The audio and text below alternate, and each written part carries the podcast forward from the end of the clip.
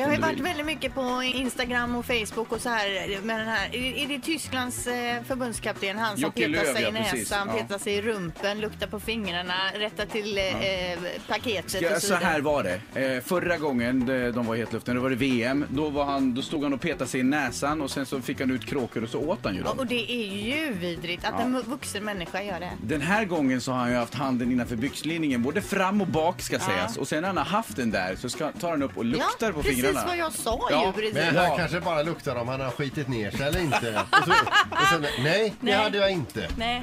Nej, jag vet inte. Ja, Han har bett om ursäkt. Har han bett om ursäkt? Ja, det har han gjort. På en alltså presskonferens vilken till och gris han med. är. Till och med på en presskonferens har han sagt att eh, ja, när adrenalinet tar över i kroppen så har jag inte riktigt koll på vad jag gör och jag ber om ursäkt för det här och ska Nej, men det är ju tänka på att han- inte göra det Det är igen. hans naturliga Ja, men han saker ber att om göra då. ursäkt nu och vi ska inte göra så igen. Han ska Ja, alltså, tänka sig för. Rätta till paketet är väl en sak, men stoppa in fingret i röven och sen lukta på fingret. Vilken vuxen människa gör Men det? han är en utav de få man kan säga, se till att få tummen ur röven nu. Ja, verkligen. Fy vad äckligt. Ett poddtips från Podplay.